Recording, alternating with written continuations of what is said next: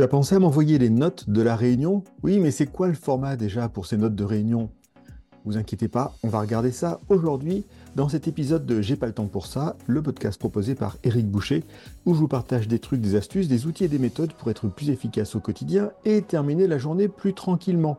Justement, plus tranquillement, le sujet d'aujourd'hui, ce sont les fameuses notes de réunion. Qu'est-ce qui s'est dit, qu'est-ce qu'on y a fait? Et quelles sont les actions qu'on a prises?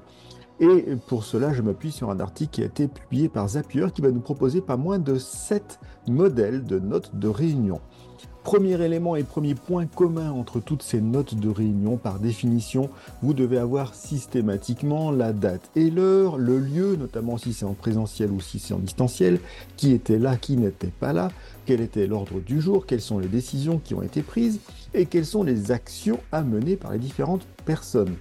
Ça, c'est la base. Alors pourquoi on a sept formats, me direz-vous Parce que bah, dans chacun des formats, on va avoir des petites variations sur ces éléments et d'autres à côté.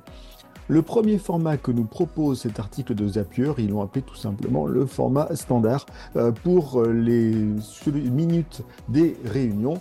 On va retrouver les classiques, le titre de la réunion, date et heure, le lieu, qui était là, qui n'était pas là, l'ordre du jour, les décisions, les actions et la prochaine réunion, tout simplement. Donc on retrouvait tous les éléments de base, mais ils y sont, et c'est déjà ça, et au moins c'est structuré.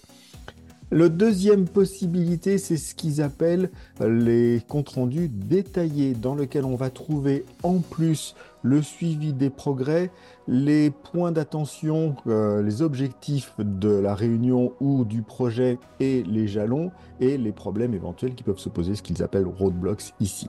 Donc ça, c'est sur le deuxième point. Le troisième possibilité, troisième proposition, une réunion formelle dans laquelle, qui va être principalement pour des réunions, on va dire, de comité de direction, par exemple, et dans laquelle on va trouver aussi euh, bah, ce qui s'est passé avant, old business, donc les anciennes actions, ce qui va se passer après, new business, euh, les discussions, et éventuellement s'il y a des votes qui ont été faits, qui a voté pourquoi. Donc on a les votes en plus qui peut être intéressant. Quatrième possibilité, la réunion dite informelle. Pour ceux qui regardent à l'écran, vous allez me dire le format du compte-rendu est plutôt formel pour une réunion informelle, certes, mais le contenu est un tout petit peu différent on va retrouver du brise-glace, l'icebreaker, on va retrouver un coin créatif, on va retrouver ce qu'ils appellent en anglais le parking, le parking lot, euh, ce qu'on pourrait, moi j'appelle dans les formations le frigo à donc des choses qui vont attendre. On retrouve des discussions et on retrouve ce qu'ils appellent shoot-out, euh, donc des commentaires qu'on avait envie de faire positifs. Donc voilà, c'est très structuré et en même temps on retrouve pas mal d'éléments d'informel dans cette proposition.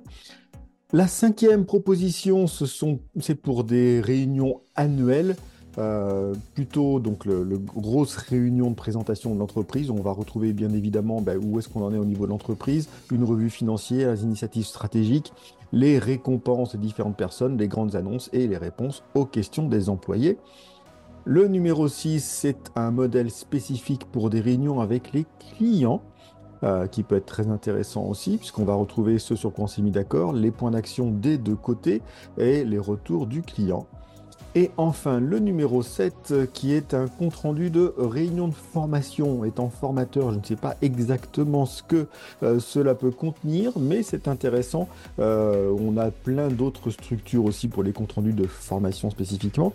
Là, ce qu'on retrouve dans la proposition de Zapier, on a l'objectif de la formation, bien évidemment, des liens vers des ressources. Euh, qu'est-ce qu'on en a appris? Quels sont les, les, feedbacks des participants? Et qui contacter en cas de questions supplémentaires? Donc, on peut très bien imaginer un petit document de ce type notamment pour des formations internes courtes, et j'ai eu dans des formations de formateurs des gens qui faisaient ce genre d'activité. En effet. Donc voilà, sept formats, vous le voyez, assez différents et bien adaptés à chaque considération. Le point qui va être clé là-dedans, on l'a dit, c'est qu'il y a un certain nombre de passages obligés dans la structure de votre compte rendu de réunion. Donc dans tous les cas, quel que soit le format que vous allez appliquer, on va quand même retrouver date, heure, lieu, les présents, les absents, l'ordre du jour, les décisions et les actions.